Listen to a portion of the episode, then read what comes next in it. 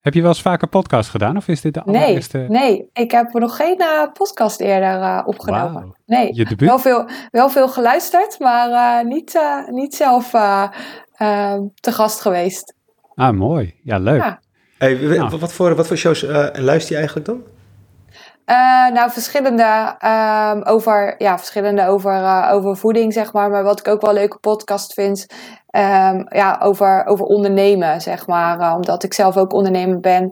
Dus dat vind ik ook wel, wel interessant. En mijn vakgebied eetstoornissen, er zijn ook wel wat, wat podcasts over. En die vind ik ook interessant om te luisteren. En nu die van I'm a Foodie, ik moet zeggen, ik heb ze nog niet allemaal geluisterd. Maar wel een, wel een aantal. Die vind ik ook leuk om, leuk om te luisteren, interessant om te luisteren. Ja. En wanneer luister je dan? Ben je ook zo iemand die tijdens het wandelen of tijdens het afwassen of tijdens het koken een podcast opzet? Nou, ik deed het vaak tijdens het wandelen. Uh, want ik moet zeggen, zeker sinds, uh, sinds vorig jaar met de corona. En mm -hmm. dan ging ik iedere dag even, even wandelen. Doe ik nog steeds wel en dan een podcast luisteren. Maar um, ik heb een tijdje geleden een boek gelezen. Uh, focus aan, focus uit. En daar werd juist gezegd van ga nou om even je focus uit te zetten. Niet tijdens het wandelen dan een podcast luisteren. Want dan ja, zet je je hersenen nog, nog steeds niet eventjes uit. Uh, want dan ben je weer allemaal nieuwe informatie aan het, uh, aan het opnemen. Dus ja, nu probeer ik het gewoon thuis. Uh, als ik gewoon even op de bank ga zitten of hier zitten in mijn uh, thuiswerkruimte en dan een podcast luisteren. Oh, wauw. Dus nu is het eigenlijk ook een onderdeel van je, van je dagbesteding, zeg maar. Ja, ja. Hey Arnoud, wij zijn echt goed man. In die cold open vind je ook uh, niet? het is gewoon praten. Het is gewoon omdat je de dingen wil weten. Zo gaat dat gewoon. Ja, nee, maar even, en dan even, nee, ja, sorry, maar een cold open is eigenlijk dat we eerst zeg maar een uh, sociale intro hebben. Ja. En dan gaan we nu naar de show. Toch Arnoud? ja, klopt.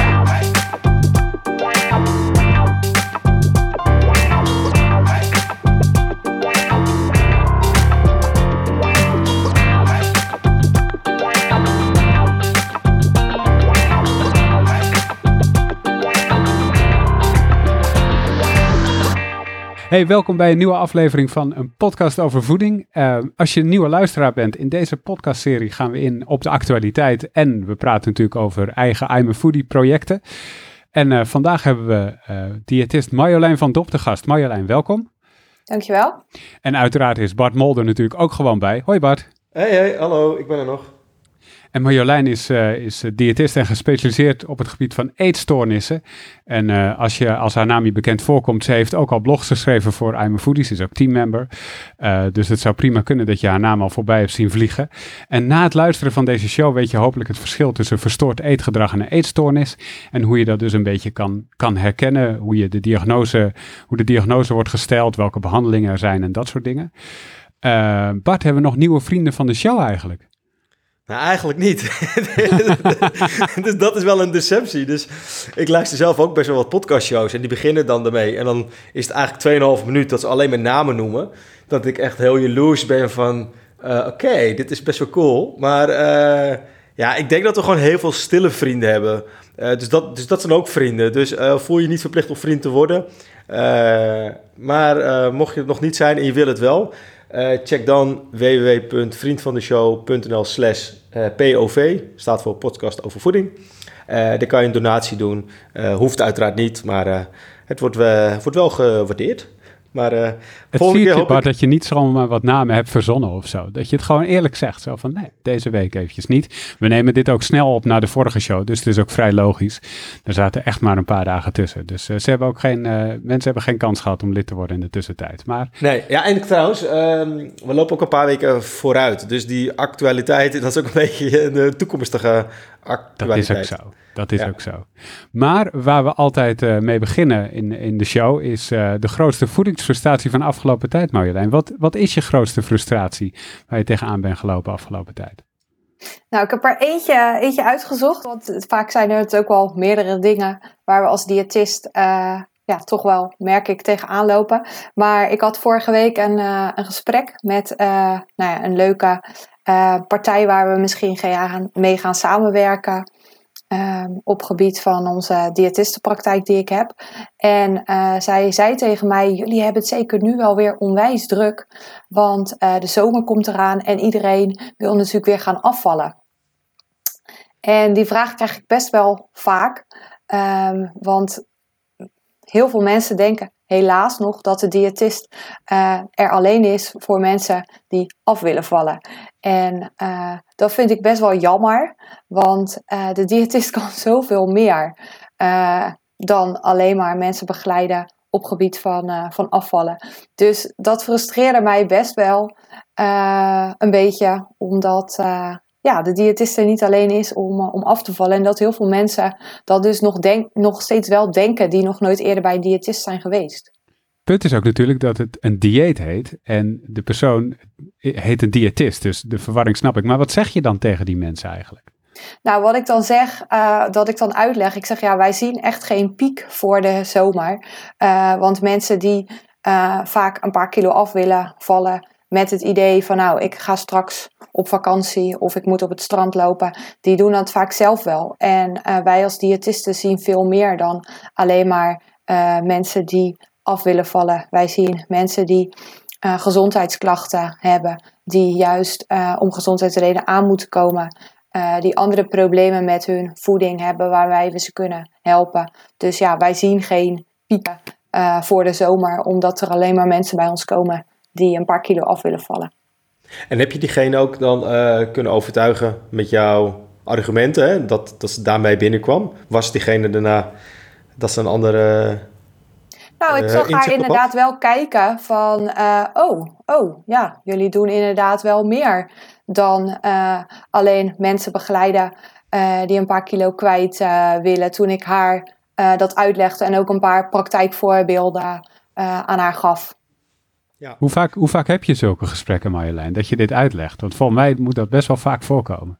Ja, best wel, best wel regelmatig. Dat, dat kan uh, gewoon in sociale kring kan dat zijn. Van, nou ja, vriendinnen van mij weten het ondertussen wel.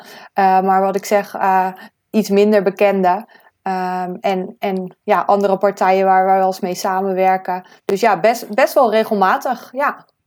Ik zie wel een nieuwe show aankomen. Uh, wat is een diëtist? Wat doet een diëtist? Misschien moeten we daar gewoon dan, als we dat gewoon heel duidelijk en concreet vertellen, dat we dan dat je altijd gewoon daar naar kan verwijzen. Joh, hier is een podcast en uh, luister het maar even in een uh, kwartier. Dan moeten we gewoon kort en bondig doen. Gewoon zo'n een TEDx-achtige show van 20 minuten. Ja. Dan bespaart dat weer een, een hoop is heel vaak zijn er denk ik wel van die uh, gesprekken die, waar een beetje gevoeligheid ligt. Want iedereen eet, dus iedereen heeft een mening. En dan heb je het over gezond. Nou, en dan voordat je het weet, dan uh, verzand je in enorme discussies, et cetera. En daar kan ik me voorstellen, vanuit jouw expertise ben je er ook een keertje klaar mee. Ja, nou, lijkt me een, uh, lijkt me een hele goeie. Dat dat voor iedereen gelijk goed duidelijk is en helder. Ja. Maar dat, dat lijkt me een frustratie voor heel veel diëtisten, toch? Dat dit soort. Want bedoel, als je ik noem maar wat, hartchirurg bent en je legt een patiënt iets uit over de werking van het hart, dan denken mensen, ja, ooit wel eens bij biologie gehad, maar niet zoveel verstand van. Maar iedereen denkt verstand te hebben van eten natuurlijk. Dus dat is dan iets waar je, waar je vaak tegenaan loopt, of niet? Ja, en ik denk zeker wat jij zegt, dat er heel veel diëtisten uh, tegenaan lopen. Dat uh, ja, wij er niet alleen zijn uh, om af te vallen, maar dat wij als diëtisten veel breder opgeleid zijn om mensen te kunnen, kunnen adviseren. Uh, en ook echt uh, ja, onderbouwend uh, werken. Ja. ja. Want um, daar nog even in als bruggetje. Jouw expertise, dat zit heel erg op het gebied van verstoord eetgedrag en eetstoornis. Klopt. Zullen we daar een beetje op inzoomen, Arnoud? Is dat een idee? Nou ja, ik wil eerst weten wat het verschil is tussen, tussen beide. Want ik weet eigenlijk niet waar de grens ligt van wanneer is het gewoon verstoord, e- gewoon verstoord eetgericht en wanneer is het echt een eetstoornis? Hoe stel je dat vast, uh, Marjolein? Ja, dat is inderdaad een goede vraag. Um, laat ik beginnen bij de eetstoornis, wat voor um, heel veel mensen denk ik wel ergens bekend klinkt. Um, een eetstoornis wordt eigenlijk vastgesteld, een diagnose gesteld. Dat wordt uh, vaak door een psycholoog of door de huisarts gedaan. En um, die diagnose die staat vastgesteld in de DSM, de DSM-5. De DSM-5 dat is een, uh, een handboek voor um, psychiatrische aandoening, dus daar, aandoeningen. Dus daar worden criteria vastgelegd eigenlijk, waaraan een eetstoornis moet voldoen om ook die naam te krijgen. Nou zijn er een aantal ehm, eetstoornissen die daarin beschreven staan. Dat zijn, ja, denk de meest bekende eetstoornis is wel de anorexia. Anorexia mhm. nervosa noemen we. Bulimia nervosa kennen de meeste mensen ook wel. Dan hebben we een iets minder bekende eetstoornis. Dat is de binge eating disorder. Dat is afgekort BED. Um, en dan hebben we nog een eetstoornis. Ja, dat heet ARVID. De NAO, de PICA en de ruminatiestoornis. Dus dat zijn echt de eetstoornissen. Die zijn dus vastgesteld. Daarnaast heb je heel veel um, ja, mengenvormen.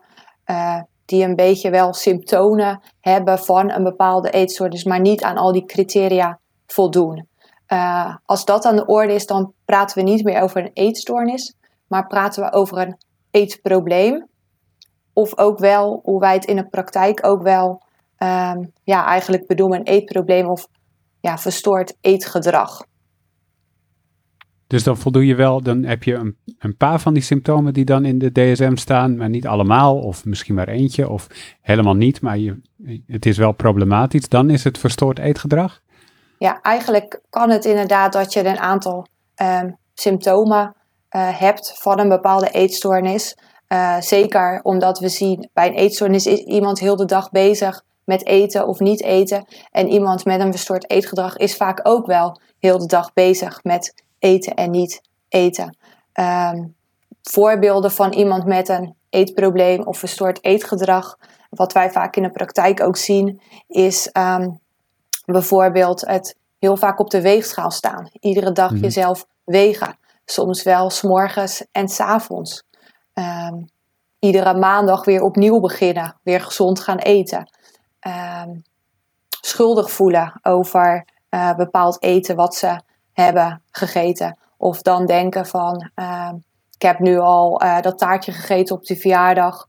Dus de dag is toch al verloren. Dus dan kan ik ook nog wel uh, die chips nemen en vanavond die patat. en, en zich daardoor eigenlijk heel um, ja, schuldig voelen. negatief over zichzelf voelen. En uh, Marjolein, begrijp ik het goed dat je hebt dus een x aantal symptomen die je net noemt, hè, van uh, elke week op de weegschaal kijken of misschien elke dag, of uh, je emotioneel niet, lekker, niet, niet lekker voelen dat je juist dan gaat overeten, dat je dan, je hebt een x aantal symptomen en als je er een aantal hebt, val je dan zeg maar in het vakje verstoord eetgedrag en heb je er een aantal gecombineerd, dat je dan in het vakje eetstoornis zit?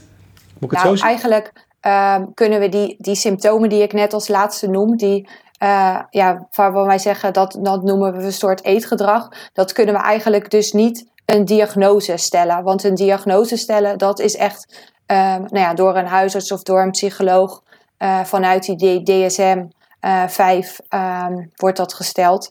En bij verstoord eetgedrag um, ja, wordt die diagnose wordt eigenlijk niet gesteld. Maar ja, zo, zo noemen we dat eigenlijk um, ja, als diëtisten onderling. Uh, omdat we zien dat iemand toch wel heel erg worstelt met eten, maar niet in die criteria van die eetstoornis uh, valt, maar daar toch wel heel de dag mee bezig is en daar toch wel hulp bij nodig heeft. Ja, dus en aan de andere kant van het spectrum, als je zeg maar duidelijk geen eetstoornis hebt, maar je zit wel af en toe elke paar dagen op de bank met een, met een hele reep chocola en die vreet je helemaal weg op het moment dat je um, dat je je niet zo lekker voelt. Zou je dat ook al verstoord eetgedrag noemen of is het dan gewoon, is dat gewoon normaal? Nou, Valt het nog in het normaal? Dat, dat kan. Dat kan, uh, kan beide, zeg maar. Het gaat er ook om hoeveel hinder iemand daarvan heeft. Of uh, welke consequentie het voor diegene uh, heeft. en hoe vaak het ook gebeurt. Um, als, als dat één keer in de zoveel tijd gebeurt en je ondervindt er zelf weinig hinder van. En je eet verder gewoon gezond, normaal. Het heeft geen consequenties voor je gewicht. Het heeft geen consequenties voor bepaalde klachten, uh, voor bepaalde gezondheidsklachten. Ja, dan is er niks aan de hand en dan hoeft, hoeft dat ook geen probleem te zijn. Maar als dat vaker gebeurt en als je er hinder van ondervindt doordat je uh, ervan gaat aankomen of, of last van maagzuur bijvoorbeeld gaat krijgen of dat het een steeds kerend ehm, terugkomend iets is, uh, omdat je merkt van nou steeds als ik me rot voel ga ik eten, ja, dan kan het een probleem voor je worden. Dan kan je er hinder van gaan ondervinden. En ja, dan is het wel verstandig om er wat aan te gaan doen. Ja, en staat eigenlijk een eetstoornis, staat die altijd op zichzelf of is het altijd of vaak een combinatie van meerdere soorten uh, psychologische problemen? Want ik kan me voorstellen dat het ook een soort van gevolg kan zijn van, van andere problemen die iemand heeft. Ja, het is altijd een beetje de vraag: is het het uh, gevolg of is het uh, de oorzaak? maar heel vaak zien we natuurlijk wel ja, door de eetstoornis.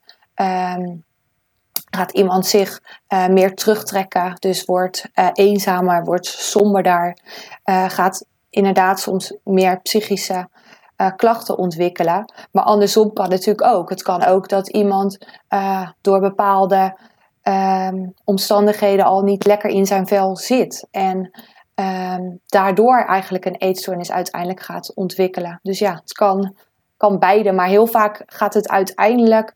Um, ja, staat het niet op zichzelf en, en zien we wel meer psychische en ook lichamelijke klachten natuurlijk uh, rondom een eetstoornis. En ik mag nog even terug naar de symptomen. Want als je dan, wanneer moet ik bij mezelf denken van, oh ja, uh, er gaat een lampje branden van, nee, ik herken me in een aantal symptomen. Ik moet eigenlijk contact opnemen met een diëtist. Of ga je dan eerst contact opnemen met een, met een huisarts? Dat je denkt van, goh, ik ben inderdaad diegene die elke maandag om 9 uur s ochtends op de weegschaal staat. Is dat gewoon normaal even wegen? uh, hoe ik ervoor sta? Of dat er op een gegeven moment wel iets meer aan de hand is mogelijk? Nou, sowieso, wat ik net inderdaad al zei, um, afhankelijk van hoeveel hinder je zelf van um, ja, jouw eetprobleem of, of uh, de gedachten rondom eten hebt, dat speelt natuurlijk mee. Um, als we echt gaan kijken naar iemand die een eetstoornis aan het ontwikkelen is, ja, dan zijn er wel een aantal symptomen die daarvoor um, kenmerkend zijn. En waarvan het dus wel heel erg belangrijk is, uh, als je die symptomen bij jezelf herkent of bij een dierbare herkent, dat je daar hulp bij gaat uh, zoeken. En dan ga je als eerst naar een dokter toe, naar een huisarts? Bij voorkeur zeggen, zou ik zeggen van zoek hulp als eerste bij een, uh, bij een huisarts. Uh, zeker als er ook lichamelijke klachten bij komen kijken. Uh, ik moet zeggen, in de praktijk zie ik het ook wel eens andersom. Dat, uh, ja, omdat het uiteindelijk natuurlijk toch ook over, of over eten of niet eten, of veel eten of weinig eten gaat. Dat mensen als eerste aan de bel trekken bij, bij een diëtiste. Ehm, en dat kan natuurlijk ook prima. Alleen ehm, verwijzen wij als diëtiste dan wel direct door uh, naar de huisarts. Of schakelen we de huisarts er ook wel direct bij in als dat dus nog niet gedaan is. Hey, en wat zijn nou echt gigantische rode vlaggen die je bij iemand anders kan spotten? Dat je, want ik, ik neem tenminste aan dat mensen bij zichzelf niet zo snel een eetstoornis opsporen. Of is dat een veronderstelling die niet klopt? Nou, vaak uh, inderdaad iemand die zelf zegt: Ik heb een eetstoornis. Dat uh, gebeurt niet zo snel, omdat daar gewoon heel veel schaamte omheen uh, zit. En van de eetstoornis um, mag er vaak ook geen hulp gezocht uh, worden. Uh, ja, er speelt gewoon heel veel schaamte en angst en paniek bij. Dus, dus iemand zelf zal niet heel snel zeggen: Ik heb een eetstoornis, maar zal wel met bepaalde klachten, bijvoorbeeld uh, bij de huisarts komen. dat, daarbij moet je bijvoorbeeld denken aan maag-darmklachten. Uh, die zien we heel veel bij iemand met een, uh, met een eetstoornis. En dat kan ja, hinder geven, kan vervelend zijn, waarvoor iemand dan naar de huisarts gaat. Het kan dat diegene heel veel aan het piekeren is, waardoor die slechter slaapt. Nou ja, dus slaapproblemen kan ook weer een reden zijn om juist naar de huisarts uh, te gaan. Bij vrouwen zien we heel vaak dat de menstruatie ook weg gaat blijven, zeker als een gewicht veel te laag gaat worden. nou ja, dus dat kan ook weer een uh, signaal of in ieder geval een reden voor de huisarts, uh, een bezoek aan de huisarts zijn. Uh, bij vrouwen zien we ook vooral ehm, haaruitval. Dat is ook wel uh, extreem haaruitval. Oh, ook wel een klacht bij, bij ernstige eetstoornisproblematiek. Mm, nou, daarnaast in korte tijd veel afvallen of veel aankomen. Ehm, ik moet zeggen, dat wordt heel vaak wel um, verbloemd door, uh, door degene. Zeker als we het hebben over afvallen. Dus hele wijde kleding dragen, zodat het, uh, ja, zodat het voor de omgeving nog niet, uh, nog niet opvalt. Um, prikkelbaar zijn rondom eetmomenten. Dat is ook echt wel een signaal dat iemand gelijk zijn stemming ehm, ja, veel, veel minder wordt als er gegeten moet, moet worden. en wat ik net ook al een beetje zei, dat, dat vermijden van sociale contacten, zeker sociale dingen die om eten draaien, dus uit eten gaan, ehm, lunchen, feestjes, verjaardagen, ehm, die worden dan ook vaak vermijden of al gezegd van joh, ik heb al thuis gegeten. Dus dat kunnen wel um, ja, signalen zijn van, oh, er, er kan iets aan de hand uh, zijn. En zie je nu trouwens met de COVID, zie je daar een bepaalde relatie? Dat die juist nu minder, ja, die voorbeeld die je net aangaf, hè, met feestjes, restaurants, dat soort dingen zijn nu eigenlijk allemaal niet, niet mogelijk. Dat juist dingen nu veel meer onder de oppervlakte blijven? Nou, we zien we zien sowieso vanaf vorig jaar ehm, dat, dat dit eigenlijk allemaal begon, de, de, de COVID. Dat um, er eigenlijk uh, wel steeds meer aanmeldingen van eetstoornissen uh, kwamen in de praktijk en in GGZ-instellingen. Um, dat betekent niet door die COVID dat daardoor uh, gelijk iemand een eetstoornis ontwikkelt. Maar wel ehm, zien we daar toch wel een relatie mee. Wat ik, wat ik wel veel terug hoorde in de praktijk was um, afgelopen jaar dat doordat juist die sociale dingen wegvielen, die, die feestjes, die verjaardagen, uh, dat soort dingen, dat vooral, heb ik het vooral over de, de doelgroep wat jongere meiden, die zeiden van, oh, nu had ik eigenlijk alle tijd om gezond te gaan eten. En uh, ja, ik werd niet belemmerd door bepaalde uh, dingen. Dus ik kon me heel erg focussen op dat gezond eten en dat afvallen wat ik eigenlijk al, uh, al wilde. Ja, en daar dan dus uiteindelijk toch in gaan, gaan doorslaan. dus dat zien we wel. En we zien natuurlijk van, ja, door, doordat we ook meer op onszelf zijn, um, ja, toch dat stukje um, alleen zijn, eenzamer zijn, waarvoor heel veel gedachten ook ja, soms een loopje met ons gaan, uh, gaan nemen. Of we zijn in onszelf met, met veel meer gedachten. Soms sombere gedachten. Of je gaat meer nadenken. En dan is veel eten of juist weinig eten kan ook een kopingsmechanisme zijn. Om met die emoties, met die gedachten om, om te gaan. Hey, en dan even iets waarvan ik denk dat het heel moeilijk is. En gelukkig heb ik dat nog nooit hoeven doen. Maar stel voor, ik vermoed bij Bart dat hij een eetstoornis heeft. Ik, ik heb dat een beetje gekeken. En, en, en ik wil het daarmee, ik wil, over, ik wil erover beginnen met hem. Hoe doe je dat? Hoe, hoe open je dat gesprek? Hoe kan je dat doen zonder dat iemand gelijk zich uh, aangevallen voelt of terugtrekt? Of hoe, hoe doe je dat op een goede manier? Heb je daar, heb je daar tips voor? Nou, zoek in ieder geval een um, ja, vertrouwde uh, plek of, of een um, moment uit. Doe het vooral niet tijdens een eetmoment. Uh, dus dus zoek een rustige omgeving en een, en een juist moment uit. En val die persoon niet aan van, uh, nou je eet niet meer of ik zie dat je uh, veel bent afgevallen of veel bent aangekomen. Of leg het vooral bij jezelf neer van joh, ik maak me zorgen omdat ik zie dat jij je meer terugtrekt, uh, dat je somberder bent, uh, dat je meer afwezig uh, bent. ik zie dat je minder blij bent. Dus probeer een beetje op dat gevoel, op die emoties um, in te spelen. Want het kan zijn dat iemand daar dan um, ja, dat herkent en, en dat ook toegeeft dat hij ook somberder is en zich minder fijn voelt. En nou ja, dan kan je aanbieden, zullen we daar hulp bij gaan, uh, ja, gaan zoeken. Uh, je bent niet alleen, ik wil je er graag bij, uh, bij helpen. Dus probeer eerst dat, vooral dat vertrouwen en op dat gevoel in te gaan. En het nog eventjes niet over eten uh, direct. Oké, maar, maar, en, maar, en dan is dat zeg maar, het, het, eerste haakje. En neem ons eens mee hoe zo'n behandelplan er dan vervolgens uitziet. Dus diegene gaat eerst naar de huisarts. Um, mm -hmm. Leg eens uit ja, hoe, dat, hoe dat plan dan loopt en jouw rol als diëtist. Nou, uh, als iemand uiteindelijk um, de stap heeft genomen om hulp te gaan zoeken, dus naar de huisarts uh, te gaan, dan is het belangrijk om bij de huisarts ja, te vertellen wat er, wat er speelt, wat er aan de hand is, waar diegene problemen mee um, heeft.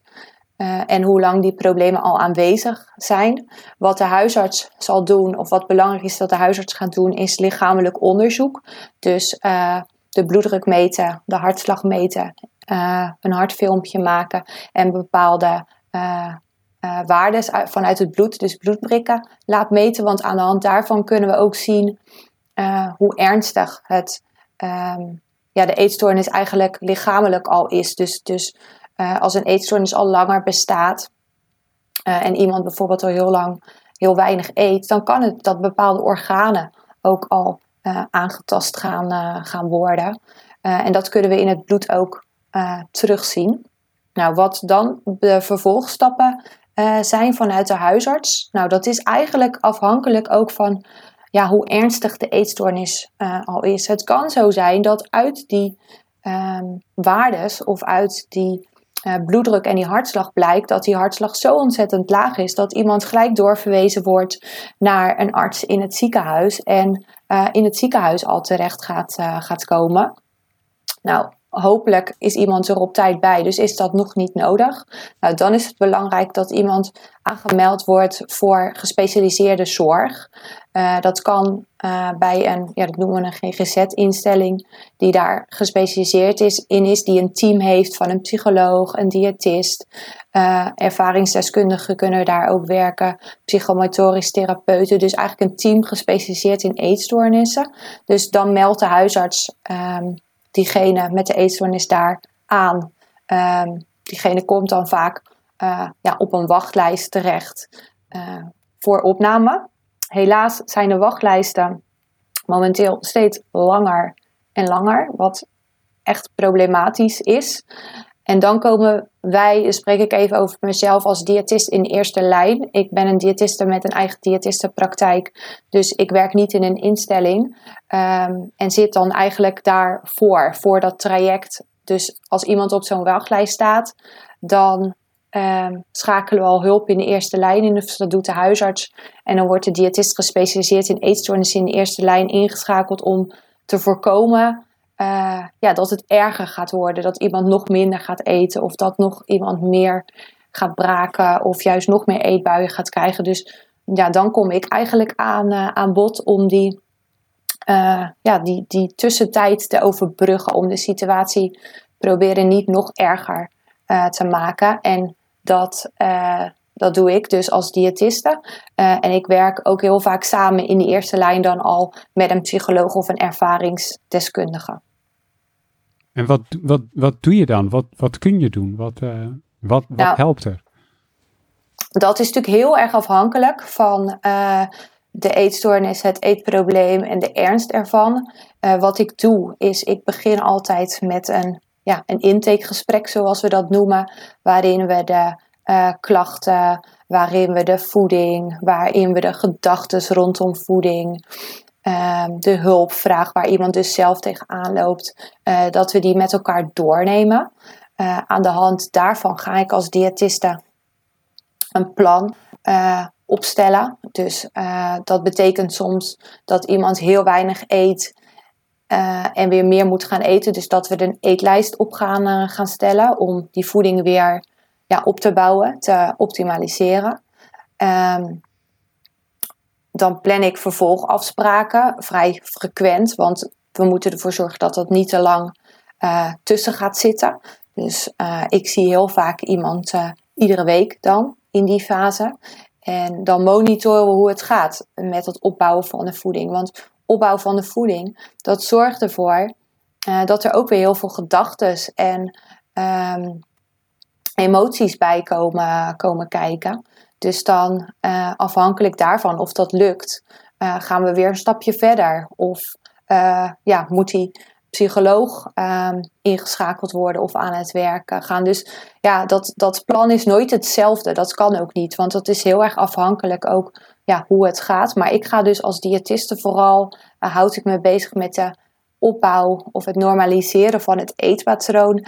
En ja, dat noemen we het geven van psycho-educatie. Dus um, iemand met een eetstoornis anorexia is heel bang om van bepaalde voeding aan te komen, angst om dik te worden. Dus dan ga ik uitleggen wat bepaalde voeding uh, met diegene doet in het lichaam. Dat het een brandstof is voor je lichaam en dat dat niet iets is waar je direct van aankomt. En zo'n uh, behandelperiode praten we dan over uh, een aantal weken of echt een aantal maanden?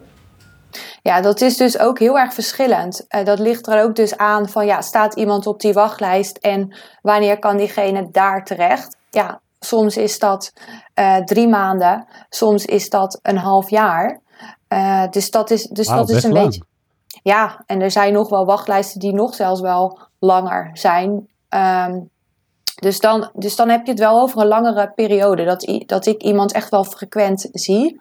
Eh, soms is het ook zo dat iemand nog niet aangemeld is voor gespecialiseerde eh, zorg, omdat de eetstoornis bijvoorbeeld ehm, ja, nog, nog, nog vrij snel eh, ontdekt is, eigenlijk vrij snel aan de bel is getrokken. Waardoor we als diëtist ehm, ja, samen, in samenwerking met een psycholoog en een ervaringsdeskundige in de eerste lijn al heel veel kunnen doen. Dus dan is het soms niet eens nodig dat iemand naar gespecialiseerde zorg gaat. Maar als we het eigenlijk hebben over de echte eetstoornissen die ik net noemde, die in die DSM-5 staan, dan is eigenlijk altijd wel gespecialiseerde zorg nodig. Maar het verstoord eetgedrag waar we het eerder over hadden, dat kan heel vaak wel in die eerste, uh, in die eerste lijn behandeld worden. Ja. En is het zo lukt dat... dat vaak? Om, uh, om, om dat eetpatroon te normaliseren, om te zorgen dat, dat, dat, die, uh, dat, dat die mensen weer wat meer gaan eten? Dat is wisselend. Bij de een lukt dat gelukkig wel. En uh, bij de ander is het echt een um, enorme strijd. En dat kan soms wel, we hebben het net over maanden, maar dat kan soms wel jaren duren. Dat iemand eindelijk weer normaal gaat eten, weer voldoende eet of minder eetbuien heeft. Dus dat is ja, echt afhankelijk van de ernst. Ook wat er nog meer um, uh, ja, voor psychische klachten bij, uh, bij zitten. Ook al van hoe lang is een eetstoornis al uh, aanwezig voordat er hulp gezocht ging, ging worden. Dus ja, dat, dat kan echt van een paar maanden dat we zien dat het al beter gaat, tot een paar jaar zijn dat iemand weer beter maar nu, gaat Maar nu, het, het, komt, het komt mij een beetje over dat we nu eigenlijk hebben over die groep die echt heel, heel veel problemen heeft en misschien een behandelplan wat voor jaren duurt, zeg maar. Maar wat mm -hmm. is dan gemiddeld, uh, als je daarover over kan spreken, dat zijn er ook mensen die bijvoorbeeld een, uh, wat was het, verstoord eetgedrag hebben, dat die zitten toch een beetje, zo, om het zo te zeggen, in de, in de vroege stadia. Of in een vroeg stadium, toch? Zo, zo, zo komt het in ieder geval op mij over. Dan dat zij dan weer back on track zijn? Is dat het doel? Of is dat, moet je ermee leren leven of zo? Want het is, het is geen ziekte. Of is het een aandoening? Wat is het eigenlijk dan? Ja, ik vind ziekte en aandoening altijd zo... Um, ja, dat klinkt gelijk zo heel, heel heftig. Maar het is wel iets waar ze dagelijks hinder van ondervinden. En zeker bij verstoord eetgedrag, dat zie ik vaak wel... Uh, dat dat er al jaren is. Dat iemand al heel vaak dieet heeft gedaan. Dat hij al heel lang al jaren inderdaad met, met voeding bezig is. Met gezond eten, met periodes van lijnen, uh, periodes weer van alles loslaten. Dus alles of niks. En dat duurt best wel lang voordat je bepaalde overtuigingen uh, en bepaald eetgedrag uit iemands systeem heeft gekregen. Als iemand dat al jaren uh, doet. Um, ik zie daar echt wel, als diëtist gespecialiseerd daarin, echt wel verbetering in. Dat, dat als je iemand begeleidt. Maar omdat het er al zo lang ook in zit, ja, duurt het gewoon heel veel langer voordat iemand bepaalde overtuigingen rondom eten uh, ja, heeft afge, afgewend. Dus je hebt het eigenlijk ook echt wel over het veranderen van eetgedrag. Ja. Uh, natuurlijk. Want uh, de term intuïtief eten en die methodiek, die ken jij denk ik ook. Ja. ja. Um, want wij zijn er zelf ook uh, heel erg, ja, in ieder geval het laatste drie kwart jaar, heel erg mee, erg mee bezig. Het is even een sidestep hoor, maar dat is meer, mm -hmm. uh, het is niet zozeer dat ik het boek wil uh, promoten, maar het was meer dat wij er zelf ook veel meer in gingen verdiepen. Dat gedrag is natuurlijk ook een heel belangrijk punt, naast het feit wat is gezonde voeding, want daar begonnen we zelf altijd mee. Terwijl dat door het lezen of, over die methodiek, dat ik toen zelf ook dacht van... wauw, we zijn eigenlijk helemaal compleet gebrainwashed door, door de industrie... en met al die uitingen. En ik vond de metafoor die ik in dat boek las, vond ik echt fascinerend. Van als jij bijvoorbeeld schoenmaat 43 hebt... en je gaat de schoen passen van maat 38... dat gaat never nooit passen. Weet je wel, dat is heel logisch. Weet je wel, ik, waarom zou ik uh, een, schoen, een schoen van maat 38 uh, willen, willen doen... Ik heb gewoon schoenmaat 43. En dat is hetzelfde als met, als met je lichaam. Mijn lichaam is anders uh, dan dat van jou. En dat van Arnoud. Van waarom zou ik enorm groot en sterk en uit willen zien, omdat ik dat allemaal op social zie en op tv. Ja, als dat niet mijn lichaam is of ik heb geen aanleg voor, waarom wil ik iets gaan nastreven wat, niet bij mij, wat ik niet kan als persoon of wat bij mijn lichaam, et cetera. Dat vond ik zo fascinerend. Want persoonlijk heb ik geen issues met voeding en heb ik denk ik gewoon een gezonde relatie met de voeding. Maar ik vind het wel echt enorm ja, bizar en sneu eigenlijk gewoon dat we zo gebrainwashed zijn allemaal. Maar ik weet niet, ik weet niet hoe jij dat zelf ziet. Wat dan de echte onderliggende oorzaken zijn waarom mensen dus niet een ja, gezonde relatie met voeding hebben. Nou, ik vind het wel heel mooi dat je dat zegt. En uh, wat, ik, wat ik zie is dat mensen eigenlijk nooit tevreden zijn. Um, en nooit tevreden. Bij mij komt dan heel vaak het, het gewicht ter sprake. Dus nooit tevreden zijn met hun gewicht. Maar als je het door gaat vragen, dan zijn ze vaak met heel veel andere dingen in hun leven uh, ook niet tevreden. Uh, en gaan ze dat zoeken in, um, ja, in, in dat eten eigenlijk. Om, om maar te proberen dat uh, ideale gewicht wat ze dan voor ogen hebben. Of, of, wat we inderdaad op social media zien. Want ja, dan zal ik wel gelukkig uh, zijn. Ja, en dan ben ik happy en ben ik helemaal uh, blij. Dus dat, dus dat zie ik echt wel heel veel, heel veel terug. En daar komt gewoon dat negatieve zelfbeeld, is daar heel vaak onderliggend van. Dat komt ja, dus niet alleen um, tot uiting um, op, op nou ja, op het willen afvallen. Maar in heel veel dingen. In, in werk of in studie of uh, in sociale dingen. Dus dat zie ik wel heel veel bij die, uh, bij die doelgroep uh, terug, terugkomen. Nou, ik, ik, ik was nog wel benieuwd of je door de jaren heen een bepaalde tendens ziet. Kan je iets zeggen van nou, het is met name vrouw tussen de 20 en de 30. Of het is juist man tussen die en die leeftijd. Want ik heb de aanname dat misschien juist veel uh, jonge vrouwen met social bezig zijn of dingen op tv zien of in al die magazines zien met die modellen. Dat ze gewoon, en zeker met die influencers. We hebben natuurlijk de laatste tijd met al die influencers, ja, die hebben zo'n impact op een jonge generatie. En ook misschien wel op oudere mensen. Hoor. Ik, ik weet niet of je dat kan, kan, kan, geen, kan generaliseren. Ik was gewoon benieuwd of jij er iets ja. over, over, over kan zeggen. Wat je ziet of wat je ervaart in de praktijk. Nou, wat ik, wat ik vooral zie um, is vooral wel een, nou eigenlijk twee verschillende doelgroepen. Um, eigenlijk een beetje tussen de 15 en de 25. Die doelgroep zie ik wel heel veel. En dan mm-hmm. hebben we het vooral ook over dat stukje, um, ja, wat, toch, wat toch veel op social media ook zit en zichzelf daarmee uh, vergelijkt. Uh, dat, dat zie ik wel heel veel. En dat is door de jaren heen ook echt wel meer geworden. Dat gebruik van social media, waardoor we uh, ja, daardoor beïnvloed uh, worden. En datzelfde geldt natuurlijk voor alle hypes en trends rondom bepaalde uh, voeding of bepaalde diëten. dus dat, dat, dat zie ik echt wel gewoon een toename in. Daarnaast zie ik ook wel een hele gro grote doelgroep, denk ik, tussen de nou, 40 en 50 ongeveer.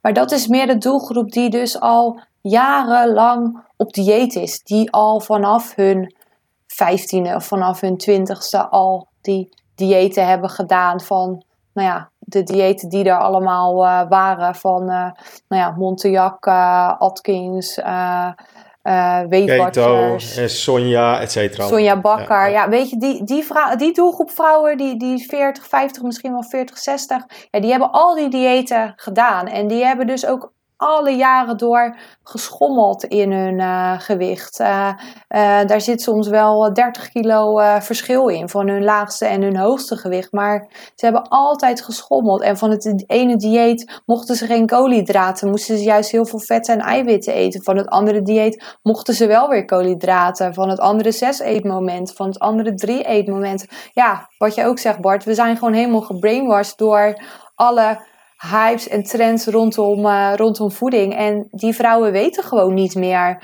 ja, wat is nou normaal eetgedrag? Die vraag krijg ik ook heel vaak van, ja, wat, help, wat is nou normaal? Ik weet het niet meer. Ik heb zoveel diëten gedaan. Um, ja, ik weet het gewoon echt niet meer, wat normaal dat, voor mij maar, is. Maar, maar dat is dus ook echt, ja, maar dat is ook echt dat die honger- en verzadigingsgevoel, dat dat compleet naar de knop is uh, geholpen.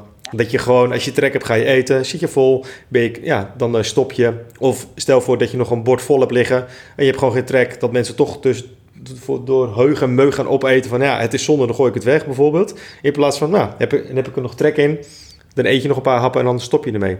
Ja, dat, zeg je goed. Dat honger- en verzadigingssysteem is bij die doelgroep echt helemaal, ja, helemaal verstoord door de jaren, jaren heen. Die hongerprikkels zijn er op bepaalde momenten. Ehm, of we kunnen de hele dag door zijn. Maar dat is niet de honger, echt de, de buikhonger zeg ik. Maar dat kan ook heel vaak de hoofdhonger eh, zijn. Ja, maar het positieve is in ieder geval, er is wat aan te doen. Eh, zeker met specialisten zoals jij en een heel team. Dus dat is in ieder geval het, positieve nieuws, toch? Niet dat mensen na deze podcast denken van... Oh man, ik, ik weet niet wat ik er... eh, Nee, ik denk, moet- juist, moet ik denk juist zeker. Wij diëtisten, eh, zeker met een stuk ervaring rondom eetstoornissen en verstoord eetgedrag, die kunnen deze doelgroep mensen echt juist heel goed eh, weer helpen.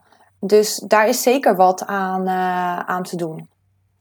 Want heb je een inschatting van, stel je voor, je had eh, eh, vijf jaar terug rond, ik noem maar even een getal 100 eh, mensen gezien met een eetstoornis. Hoeveel mensen hebben dat nu dan nog steeds? En hoeveel mensen komen er vanaf en hebben een gezondere relatie met voeding nu dan, dan toen?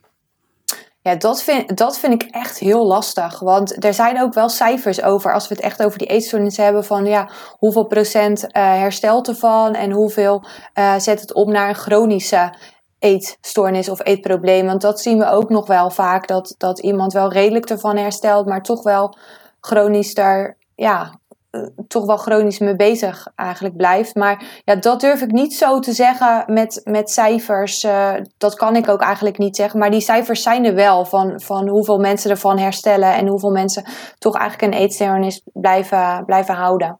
Ja, maar er is dus in elk geval wat Bart zegt, er, is een duidelijke weg terug. Het kan. Het, het, Nou, zeker. En zeker wat, wat echt het, eigenlijk het allerbelangrijkste is, want we hebben het nu over het behandelen van, maar het signaleren van.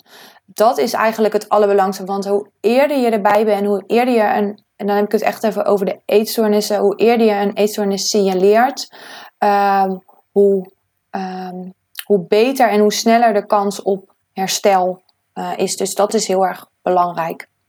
Ik, eh, en, ik, en ik hou erg van eh, lijstjes. Heb je een top eh, drie van waar, eh, het is al een beetje besproken hoor, maar dat je zegt van oké, dit zijn echt wel drie hele valide indicatoren dat mensen mogelijk een eetstoornis hebben. Mm, de drie belangrijkste. Ja, ik denk toch wel dat, dat veel afvallen of veel aankomen in vrij korte tijd. Dat dat een hele belangrijke is. Ehm, het vermijden eh, van bepaalde eh, sociale contacten rondom eten of, of eh, als iemand nog thuis woont.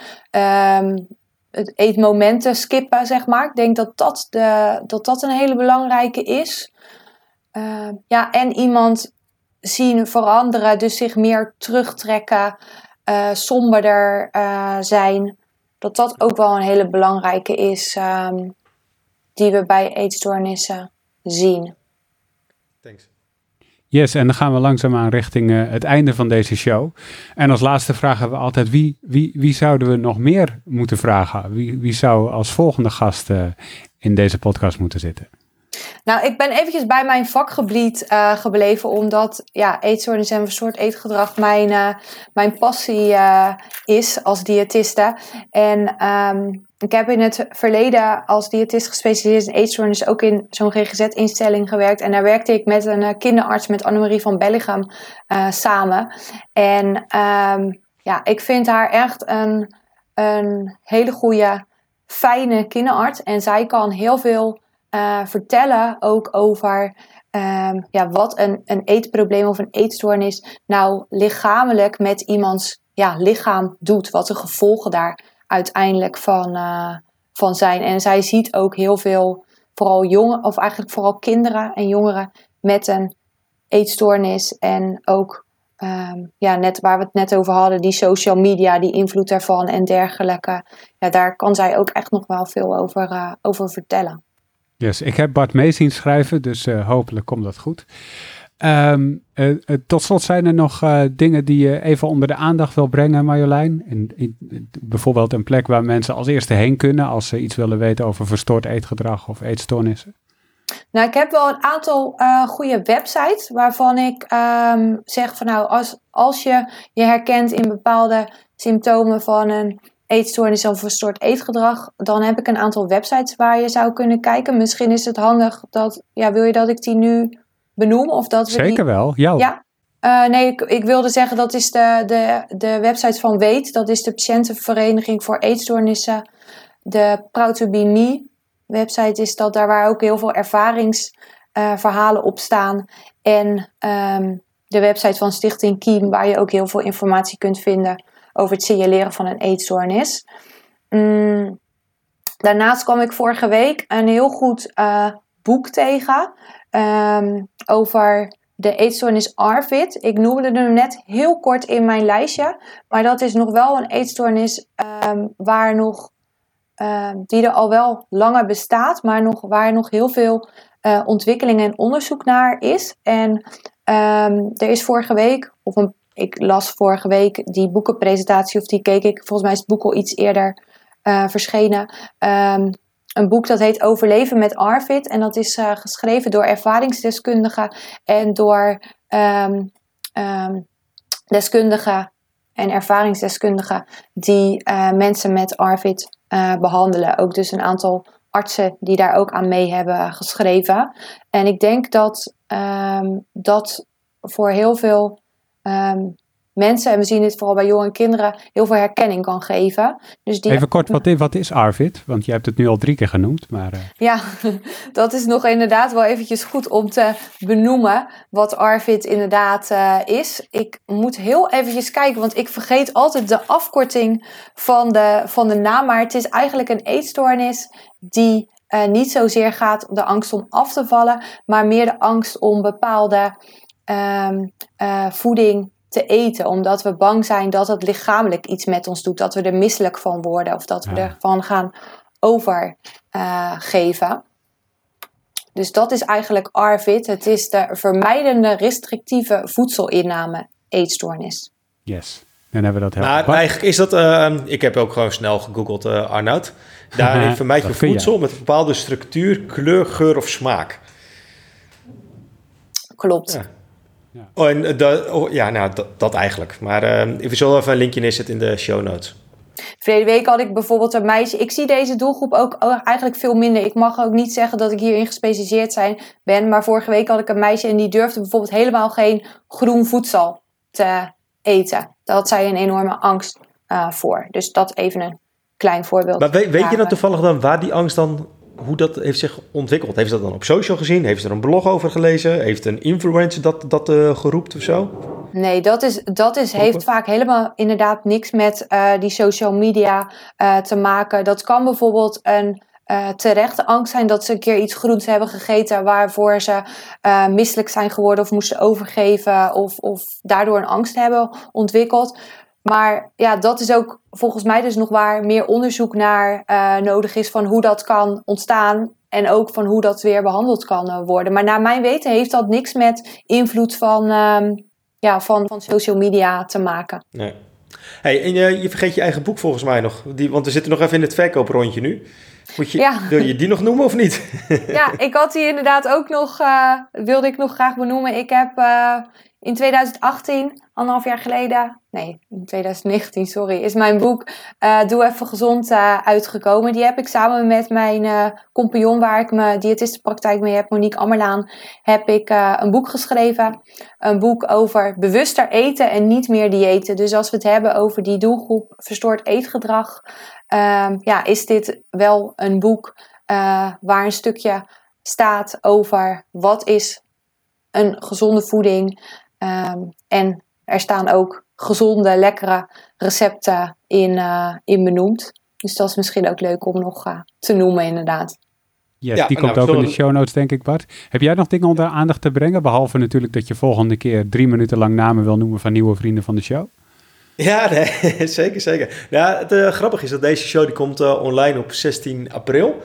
En toevallig komt uh, het nieuwe boek Intuïtief Eten, die komt dus ook echt in de week van 19 april uit. Oeh. Dus dat is eigenlijk misschien wel het allerbeste haakje, dat het toevallig zo bij elkaar komt. Dus dat mensen misschien denken, hey, dit is een enorme uitgedachte promotiestrategie. nou, daarin ben ik sowieso niet in gespecialiseerd. Dus per toeval dat alles een soort van samenkomt. Maar ja... Uh, Sluit er wel heel, goed aan, heel, goed op aan, uh, inderdaad. Ja, dus, nou, dus Arnoud, dat is het uh, antwoord op je vraag. Ik uh, zal hem ook even in de show notes zetten. Het boek is nu uh, beschikbaar sowieso via de webshop bij Emma maar ook gewoon via Bol, alle boekhandels. Hopelijk zijn de boekhandels dan weer open. Zijn we uit de lockdown, et cetera. Maar nee, dat, zou, dat boek is echt een aanrader. Het is namelijk ook echt een anti-dieetboek. En dat zou ik zelf echt ja, van de daken willen schreeuwen van... stop alsjeblieft met al die bullshit diëten en al die uh, supplementen slikken en al die dieetpillen dat je denkt ik ga ervan afvallen. Dat is echt zo zonde van je geld, energie, et cetera. Doe het niet. Yes. Nou, dankjewel Marjolein dat je Graag gedaan. in de podcast aanwezig wilde zijn. Dankjewel voor het luisteren en uh, tot de volgende keer. Later!